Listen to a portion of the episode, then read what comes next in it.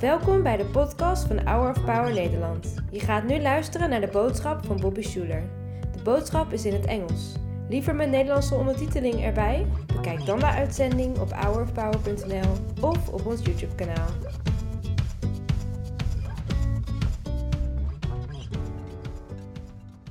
Welcome to Shepherd's Grove. We're so glad you're here. Our singer Robin sang these words As for me and my house, we will serve the Lord. That's a famous passage from Joshua where the people of Israel enter into the promised land. But before they go, Joshua says, Some of you are worshiping idols and you're worshiping Yahweh God. But today, as we enter into the promised land, you can't do both anymore. You have to choose either idols or the Lord. And he says, As for me and my house, we will serve the Lord. You only get so many moments in your life to make a decision to follow Jesus before you stand before the Lord in your death or the return of Christ. And what I want to do in just a second here is give you an opportunity to make a decision right now to follow Jesus Christ. I'm doing it at the beginning of the sermon, not the end, so I don't forget. When I made a decision to follow Christ, I just said, I'm not going to ride the fence anymore. I'm going to do it. And I did, and my life was never the same. Maybe you've made some mistakes, or you have something in your life, or maybe you grew up a Christian, or maybe you went to your grandma's Bible study as a kid, but you've never made a decision, I want to follow Christ. Do it today. Because Christ was crucified and risen from the dead for you, you can be saved and know that when you come to face the Lord, heaven will be your home. Will you make a decision to do that today? If that's you, make sure you find a good Bible believing church and plug in, and your life will never be the same. Well, I want to ask you a question today. Do you want to get well? Do you want to get well? Do you really want to? If you want to get well, that's good and all, but you'll have to turn your back on the thing that made you sick. Many of us, probably all of us, are trying to lose a little weight sometimes. You know, it's easy with COVID and other things. Put on a few pounds, maybe you want to get rid of it. Or maybe you just want to get healthier or stronger. Maybe you're injured and you need to go back to physical therapy or back to the doctor. Or you need to go into training again. You want to be healthy, but there's a cost. There are things you have to get rid of in your life if you want to have those things. And what you say is, Bobby, it's just my coffee in the morning. And I say, you know, my cup of coffee looks like a black tea and it doesn't have any milk in it, but maybe your coffee looks like this. It's a venti frappuccino from Starbucks every single day.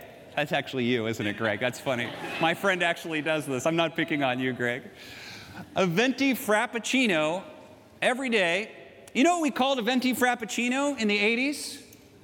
We called it a chocolate milkshake. That's right. You just put a caramel on top, throw some coffee in, and all of a sudden you give it an Italian name. It doesn't seem so bad for you. if you want to get healthy, you have to turn your back on the thing that made you sick. Maybe in life, you want to work and you want to succeed in your business and all that you do. And in order to do that, you're going to have to turn your back on your family, on your friends, on your church, maybe on God. But hey, that is the price you pay to win. Some of you are going to have to do that. Or maybe you heed the wisdom of those who have done that, and you may have to turn your back on some of your work if you want to be the kind of dad, husband, friend, leader, Christian that you know in your bones you were born to be. You have to make a choice. Do you really want to get well?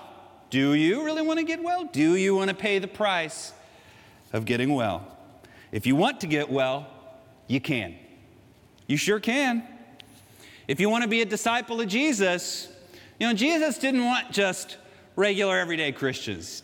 He wanted something called a disciple. Disciple is the root word for discipline. That means someone who's trained. He wanted experts. He wanted people who were willing to devote their lives. And in return for that, what did they get? Eternal living. Not just eternal life where you live in heaven when you die, but right now, the best, most powerful, awesome life that's available to any human being. But it comes at a cost.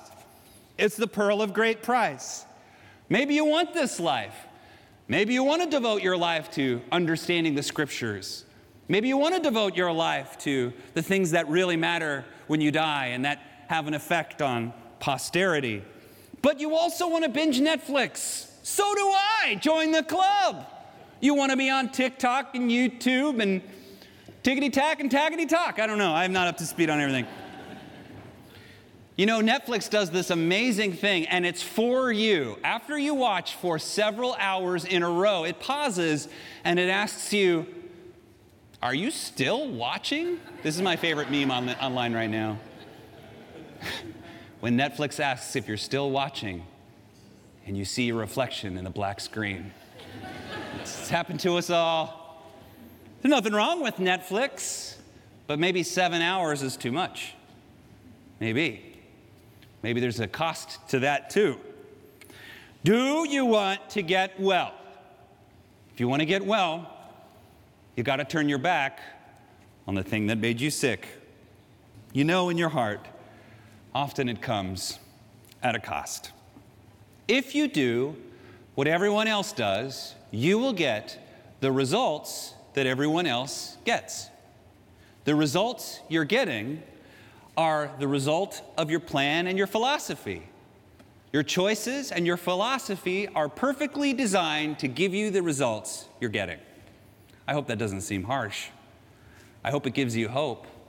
I hope it allows you to look in the mirror and say, if I'm willing to have an apple a day, I just might keep the doctor away. Some of you say, well, that's easy. I'll just have 30 apples in one sitting and then I got a month covered. No, no. An apple a day keeps the doctor away. It's the small changes, deciding I want to be well, and I don't want to make huge changes now, but small changes forever, that make all the difference in the world. If you want to get well, you can, but you have to turn your back on the thing that made you sick. It's in John chapter 5. Hannah read the scripture today, did a wonderful job. It's a story about the pools of Bethesda goes like this. Sometime later, Jesus went up to Jerusalem for one of the Jewish festivals. There in Jerusalem, near the sheep gate, a pool, which in Aramaic is called Bethesda, and which is surrounded by five covered colonnades. Here, a great number of disabled people used to lie the blind, the lame, the paralyzed. One who was there had been invalid for 38 years. When Jesus saw him lying there and learned that he'd been in this condition for such a long time, he asked him, Do you want to get well? Do you really want to get well? There's other things in the scripture I could teach on that I don't have time to teach on today. Some important things about legalism, some important things about Sabbath and the structure of the Pharisees. But I want to talk about the most stabbing part of this story. It's when Jesus looks at you in the eyes when you've been sitting there for 38 years and he says, Do you really want to get well? Do you really want to walk? Is that such a crazy question to ask of someone who can't walk if they really want to get well? Well, if the man's been there for 38 years, maybe not. Maybe he did it first, but maybe now he's lost all hope and he's learned to just settle with what he's got. There's lots of reasons why he might not want to get well. We all know them very well because we're all human beings. We all make the same mistakes, and we always have, and we always will. But Christ will set us free. Maybe he didn't really want to get well because, hey, he had friends there. The Pool of Bethesda was a special place. It said that when the waters would move mysteriously, the first person who got in would be made miraculously well. The problem was, pools of Bethesda were a big place. They were about the size of a football field. That's a big pool. That's a big pool. That's a, that's a Bobby Schuller sized pool. I would love a pool like that. I don't know about you. King Herod really made that pool into what it was with colonnades and marble. Maybe at first this guy tried to get in and just never could get there, and 38 years he's still trying. Jesus says, Do you want to get well? And maybe he thinks about his friends. You don't sit in one spot for 38 years full of lots of people and not make a couple of friends and have a couple of good conversations. There's nothing wrong with that. I remember once I met a girl who became a Christian and wanted to devote her life to Christ, and she knew that she had to give up smoking weed. She knew it was dragging her life down. She knew it was clouding her mind. She knew she was a better person at life when she wasn't on the stuff. But she knew a lot of really sweet and good people that she really enjoyed smoking weed with, and I understand that. She said, You know, the hardest thing about giving up weed was not the weed, it was my friends. But maybe she made the right decision. I don't know. She did what she needed to do for her. This happens a lot with those who are struggling with alcoholism. Nothing wrong with a glass of wine with dinner on occasion, but become an alcoholic, you probably can't drink, and you probably can't be around people that drink if they're your friends. That's a hard reality to deal with if you want to be clean and sober. Most people who struggle with alcoholism, they get back into it because their first thought is, is not, I want to have a drink. Their first thought is, I want to see my friends. Very often, people who drink are a lot more fun than people who don't. It's the truth. So I think I'm just going to go down there and have a Diet Coke and say hi to my friends. That's hard to do. Maybe this man at the Pool of Bethesda had some really good friends. Maybe he knew if he walked again, he could never go back to that place and he'd have to say goodbye forever. After all, they're all good people. They're all good people. Why would I have to say goodbye to good people? But sometimes in your heart, you know you do. That's hard. Maybe uh, he just felt safe there. I mean, you also don't, you know, to sit at the pools of Bethesda for 38 years, I mean, it's one of the nicest pools in the world, in one of the coolest cities in the world. And it's nice and warm. When you live in the desert and you can live in a nice shaded marble colonnade for 38 years, probably doesn't have a house, certainly not starving, certainly has a roof over his head, probably feels pretty safe. Maybe he doesn't want to leave anymore. Maybe you feel that way hanging out in your mom's basement. perfectly safe. It's not a bad place. Houses are pretty expensive. Or do you really want to get well? You really want to give up that? You really want to walk again? You really want to live a life that matters? Well, maybe. Maybe he was used to the handouts. For sure, people would go and give charity to the sick and hurting people who needed to be well. They would go there and visit Bethesda and give people what they needed. Maybe he got used to that. A young man is on his way to church, a poor kid, riding in a bus, and I ask him, What do you want to be when you grow up? And he says, I don't need to be anything when I grow up. All I have to do is sign my welfare check. Later, we get to church, and another young man from Newport Beach is dressed in the illest drip. That means nice clothes. Dressed from top to top to floor looks great. And I say to him, What do you want to be when you grow up? And he says, It doesn't matter. I just got to sign my trust fund check. It's the same kid with the same problem. No purpose, no reason to suffer. Got a handout. Something about handouts. Sometimes we like a handout more than we like a hand up. Sometimes we want to stay there. Maybe it's the safety. Maybe it's the friends, maybe it's something else, but maybe Jesus can see the heart. And maybe he could see that the man by the pool of Bethesda didn't really know if he wanted to be well. After all, he doesn't answer the question. He doesn't say, Yes, Lord, heal me. He gives all the reasons why everybody else gets in the pool before him. And that's all he can say. It's hard to imagine he's still trying after 38 years. And who would? Maybe he's lost all hope. Maybe he's given up. Maybe he's not sure if he wants to take a risk anymore. But Jesus heals him. He picks up his mat and he walks. And I like to think that that man walked away and never went back to that pool again. He never stepped foot in that beautiful, amazing place with good people, full of healing and handouts and safety, he said, Never again, I am done forever. That can happen for you. You can get well. But you have to say goodbye to the pool of Bethesda, though it's a special place.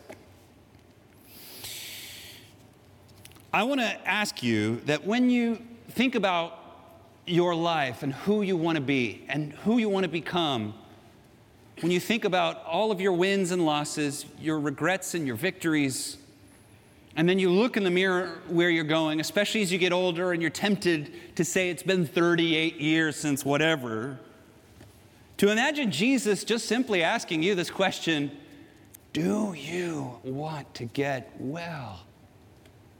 Do you?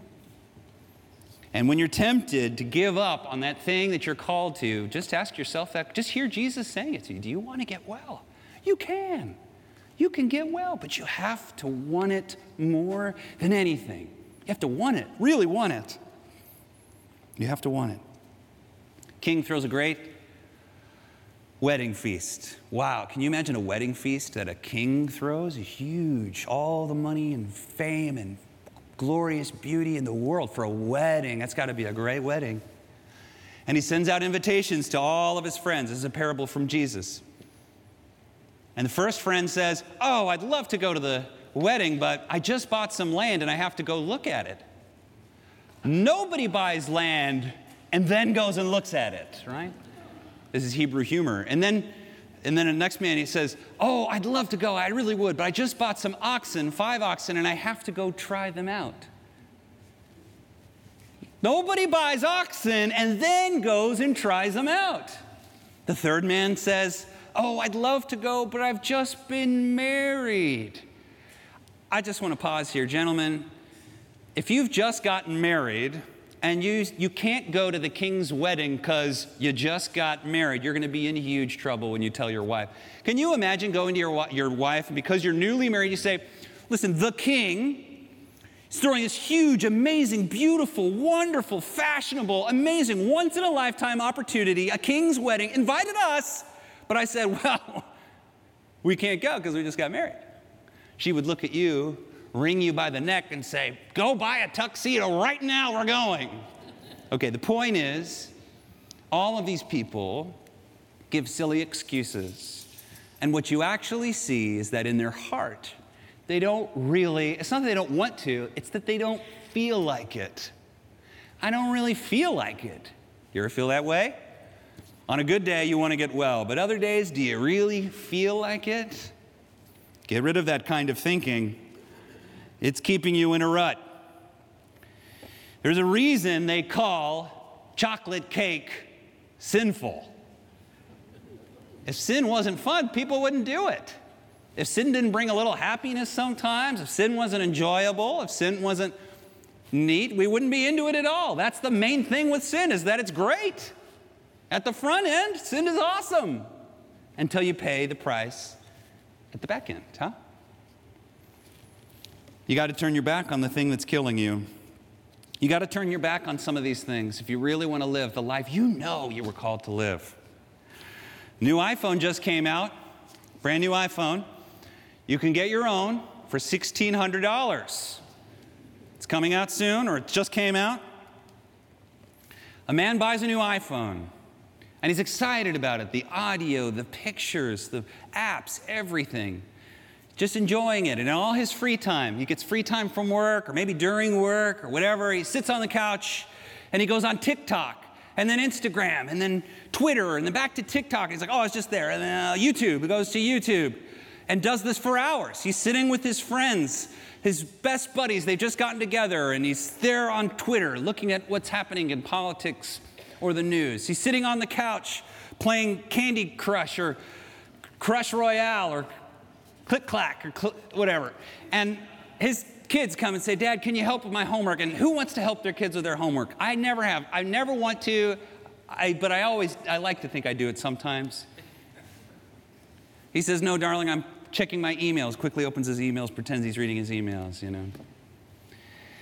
Maybe he's on Instagram looking at whatever, his enemies, or following his wife's ex boyfriend and hating him, or doing these other, it makes it sound like it's me. It's not. man is on the phone constantly. And I asked the man, How much does that phone cost you? And he coyly looks at me and says, Well, it cost me $1,600. And I say to him, Maybe the phone cost you more like $50,000 in unmet goals, in uncaptured dreams, in unsolved problems. Maybe it cost you a million dollars, that phone. And maybe it cost you years of time with your kids you'll never get back. Maybe, maybe it cost you hours and months of sleep you didn't get that would have healed your body and your soul. You ever wonder if you take all the swiping that someone's done with their thumbs? It would be so interesting if you could see how many miles. Like if you think this is three, four, three inches, four inches, how many miles we've scrolled in a single lifetime. Can I tell you, the new iPhone costs a lot more than $1,600. Cost a lot, a lot. You have to choose. In life, we have to make choices. Not making a choice is a choice. When God created Adam and Eve, the Bible story goes like this everything He made, He said it's good. God created this and he said it's good. He created that, he said it's good. He created this, he said it's good. And then he creates man and he says, It is not good that man should be alone. So he decides to find a companion. And he brings before Adam all the animals of earth to see if that will be a companion for him. And so Adam, when he names the animals, it's his way of dismissing them. He says, No, that's not a companion, that's a turtle. No, that's a salmon. That's a parrot. That's a golden retriever. Just put him here as a maybe. You know, it's this kind of thing. And uh, finally, when he sees Eve, he says, Flesh of my flesh, bone of my bones. What does this tell us? One, it tells us you need people in life. You're not going to do any of these things all by yourself. Can't build a business, can't defeat addiction.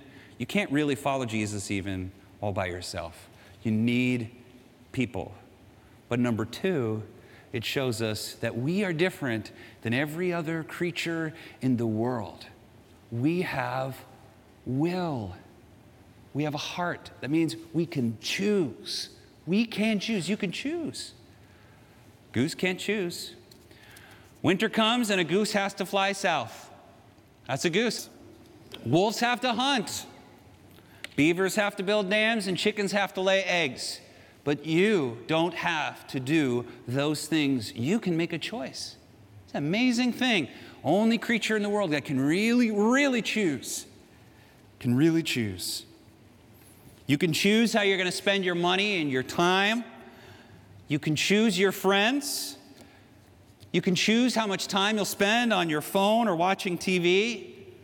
You can choose whether you're going to commit your life to a church community and go every Sunday you can choose whether or not you're going to commit your life to really understanding the scripture and committing your life to them.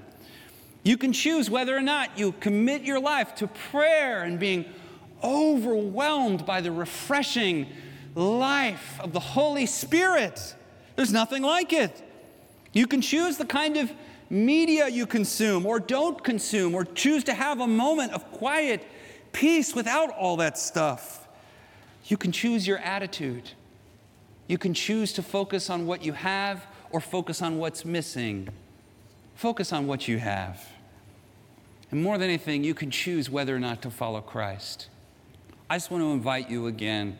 Most important, all the stuff that I'm talking about, it, it almost doesn't matter if you're not at peace with God. Are you at peace with God? I want you to make a choice today to follow Christ. It'll make, it'll, everything will change. Do you want to get well, my friend? Do you really want to get well? You can get well. You can get well.